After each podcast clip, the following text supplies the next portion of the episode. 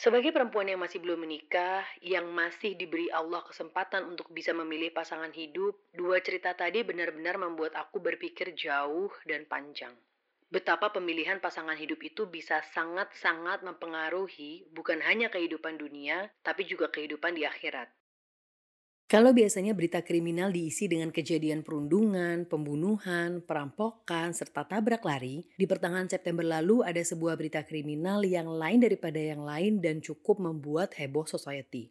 I don't know how to sugarcoat it, but let's just say kegiatan zina yang dilakukan secara beramai-ramai. Jadi laki-laki dan perempuan dikumpulkan dalam suatu ruangan dan mereka boleh berzina dengan siapa saja yang mereka inginkan. Setiap peserta diwajibkan untuk membayar semacam uang pendaftaran sebesar 1 juta rupiah.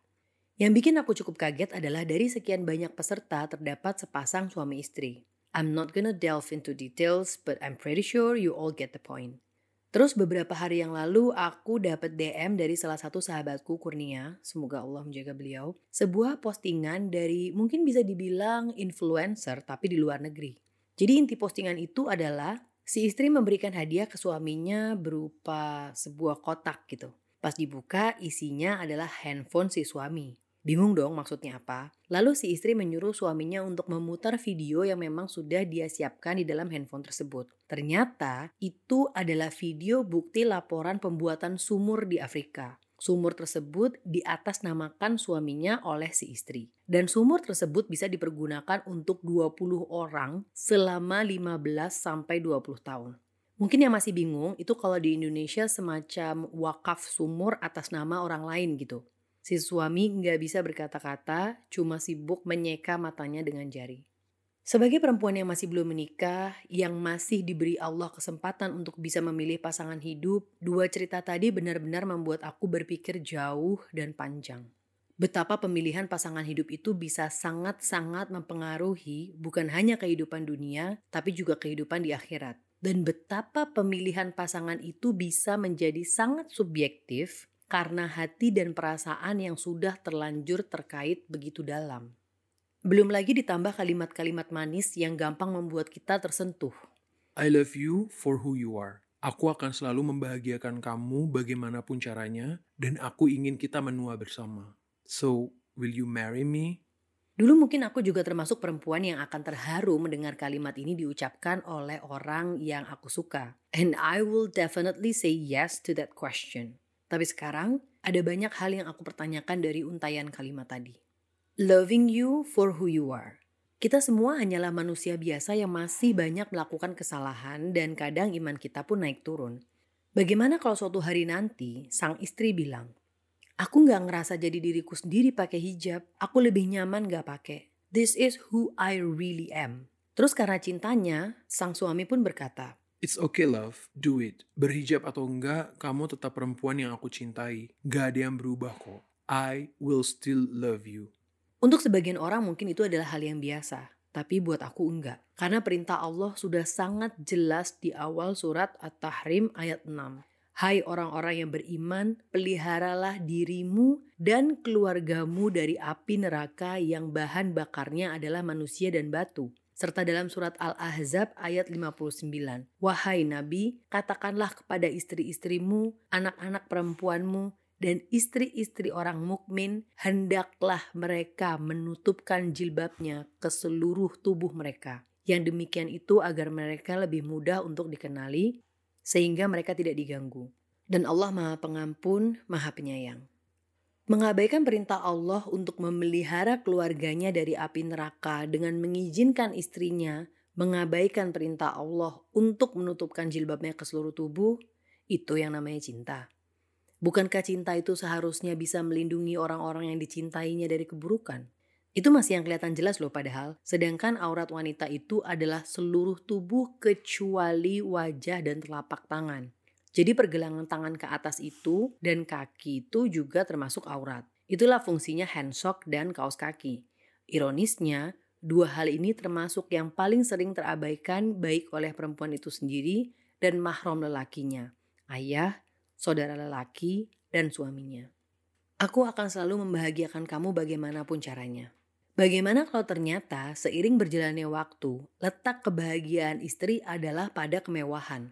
Lalu dia menuntut suaminya untuk bisa memenuhi itu semua dan si suami seperti yang dia janjikan dulu mencari cara untuk membahagiakan sang istri. Akhirnya melakukan tindakan korupsi di tempat kerjanya atau bahkan mungkin menjalankan bisnis haram. The thing is, pernikahan adalah ibadah terlama dan yang namanya ibadah itu tidak dikerjakan berdasarkan atas apa yang membuat kita bahagia. Kalau mood kita lagi nggak bagus, bukan lantas bisa menjadi alasan untuk nggak sholat kan? Kalau kita nggak bahagia berhijab, ya bukan hijab yang dilepas kan? Guru kami Ustadz Nuzul Zikri Hafizahullah dua minggu lalu mengajarkan kami sesuatu yang kalau bisa aku simpulkan sebatas pendeknya akalku begini. Semua manusia di dunia ini pasti ingin bahagia, hanya saja cara yang ditempuh berbeda-beda. Yang tengah malam bangun untuk mengerjakan sholat tahajud itu karena dia ingin merasa bahagia. Yang tengah malam belum tidur karena masih dugem dan mabuk-mabukan itu juga karena dia ingin merasa bahagia. Nah, tujuan akhir dari kehidupan inilah yang akan menentukan jalan mana yang kita ambil. Kalau tujuan akhir kehidupan ini adalah berkumpul kembali di surganya, ya simple. Tinggal jalankan perintah Allah dan jauhi larangannya. Nggak semua yang bikin kita bahagia itu sesuai dengan syariat. Tapi semua yang sesuai dengan syariat itu pasti bikin kita bahagia, cepat atau lambat. Seperti firman Allah di akhir surat Al-Baqarah ayat 216. Boleh jadi kamu membenci sesuatu padahal ia amat baik bagimu, dan boleh jadi pula kamu menyukai sesuatu padahal ia amat buruk bagimu. Allah mengetahui, sedangkan kamu tidak mengetahui. Aku ingin kita menua bersama. Tanpa pernikahan pun kita semua akan menua bersama kan? Pernikahan itu bukan tentang dengan siapa kita menua bersama, tapi bagaimana cara kita menghabiskan sisa umur kita bersama. Kalau ada dua orang pengusaha, yang satu usahanya stagnan, bahkan kadang merugi. Yang satu usahanya sedikit demi sedikit berkembang dan terus menghasilkan keuntungan. Mana yang dikategorikan menjadi seorang pengusaha sukses? Pasti yang kedua kan? Karena buat apa kita menghabiskan waktu, tenaga, pikiran, dan uang untuk sesuatu yang gak ada kemajuan, bahkan kadang merugi. Begitu juga dengan pernikahan. Buat apa menikah dengan orang yang merasa ilmu agamanya sudah cukup? Merasa sudah tidak ada lagi yang perlu diperbaiki dari cara dia beragama selama ini. Sedangkan para ulama klasik terdahulu tidak pernah berhenti belajar hingga akhir hayatnya. Netizen tuh sering banget kan ya bilang, yang kayak gini ya Allah. Kalau lihat postingan kemesraan antara suami dan istri. Nah, kalimat yang sama sering banget aku ucapkan dalam hati saat lihat sepasang suami istri dan anak-anaknya yang kompak datang ke kajian Ustadz Nuzul Hafizahullah setiap Sabtu sore di Masjid Nurul Iman, Blok M Square. Karena itu adalah family time yang aku impikan saat berkeluarga nanti. Surprisingly, anak-anak kecil itu hampir nggak ada yang cranky. Karena di kajian ini ada kids cornernya juga, di mana mereka bisa mewarnai atau bakal mencatat kajian, dan itu semua bisa ditukarkan dengan hadiah saat distorkan ke panitia. Everything just perfect. It's literally taman-taman surga seperti sabda Rasulullah Shallallahu Alaihi Wasallam. Ketika lewat kalian di taman-taman surga, maka singgahlah. Sahabat bertanya, Wahai Rasulullah, apa taman-taman surga itu? Rasulullah menjawab, taman-taman surga itu adalah majelis-majelis ilmu. Kadang aku mikir, kok bisa ya anak-anak ini happy di majelis ilmu? Padahal kalau lagi di mall, sering kali anak-anak seumuran mereka ini cranky atau bahkan malah tantrum. I'm not saying shopping mall is bad, but let's try another point of view. Ke majelis ilmu tuh modal uang yang dikeluarkan sedikit loh. Paling cemilan anak-anak. Itu pun bisa bawa dari rumah. Tapi yang didapatkan banyak banget. Ketenangan, kebahagiaan, ilmu yang bermanfaat, dan yang paling penting, kalau kita niatkan semuanya karena Allah, bisa dapat pahala. Sedangkan kalau kita ke mall, modal uang yang dikeluarkan setidaknya 200 ribu atau lebih kan. Gak mungkin bawa bekal makanan dari rumah juga kan buat dimakan di mall. Belum lagi kalau anak-anak lihat mainan atau mau main di kids-kids yang per jamnya bisa 100 ribuan itu. Tapi nyenengin anak istri kan berpahalanya. Iya betul.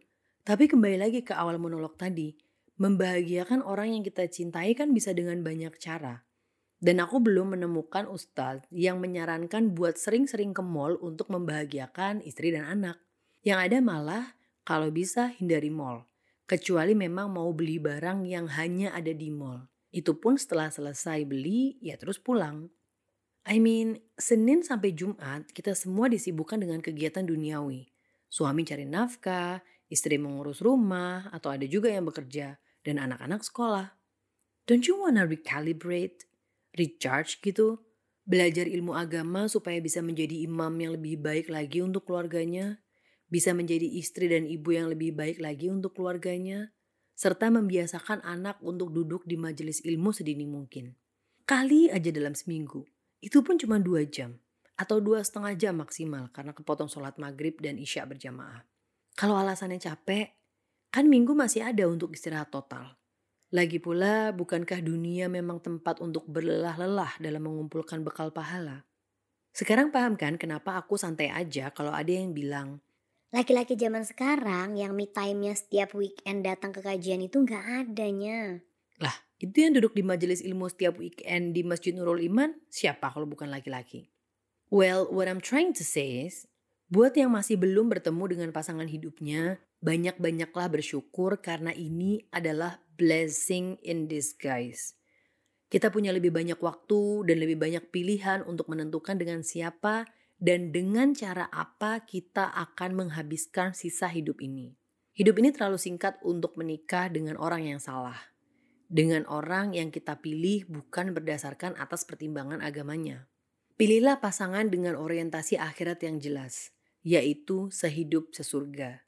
Sehingga ibadah kita bisa menjadi lebih baik dari segi kualitas maupun kuantitas. Pilihlah pasangan yang berpedoman pada Al-Quran dan hadis sehingga tidak ada lagi apa yang menurutku atau menurutmu baik, tapi apa yang menurut Allah dan Rasulnya baik. Pilihlah pasangan yang mencintai kita karena Allah, sehingga semua usahanya dalam membahagiakan kita tetap berada dalam koridor syariat. Pilihlah pasangan yang ketakutannya pada Allah melebihi ketakutannya pada siapa pun di dunia ini, sehingga dia takut untuk berbuat dosa bahkan di saat tidak ada orang lain pun yang tahu. Buat yang sudah menikah, masih ada waktu untuk memperbaiki visi misi pernikahannya. Sudah banyak daurah-daurah pernikahan dari guru-guru kami Hafizahumullah yang mungkin bisa diikuti. Kalau sekiranya suami atau istri masih belum bisa diajak untuk berjalan bersama, maka mulailah dari diri sendiri dulu, tunjukkan adab yang baik, dan terus berdoa agar Allah berikan hidayah pada mereka. Aku tidak pernah sedikit pun iri pada mereka yang dihujani tas-tas limited edition, mobil mewah, rumah besar bak istana, atau family vacation ke negara-negara yang terkenal setiap tahunnya. Tapi aku sangat berharap bisa Allah pertemukan dengan laki-laki kawamah yang mengurusi kehidupan, yang menangani segala kebutuhan hidup, yang menjaga dari api neraka, dan mendidik orang-orang yang menjadi tanggungannya, yaitu istri dan anak-anaknya. Karena apa artinya tas limited edition bila itu membuatku menjadi sombong? Apa artinya mobil mewah jika tidak pernah digunakan untuk pergi ke majelis ilmu? Apa artinya rumah besar bak istana jika di dalamnya tidak pernah diisi dengan ibadah penghuninya? Apa artinya family vacation ke luar negeri setiap tahun kalau untuk menunaikan haji dan umroh saja masih enggan? Karena cinta sejati itu bukanlah yang sehidup semati, tapi cinta sejati adalah yang sehidup sesyurga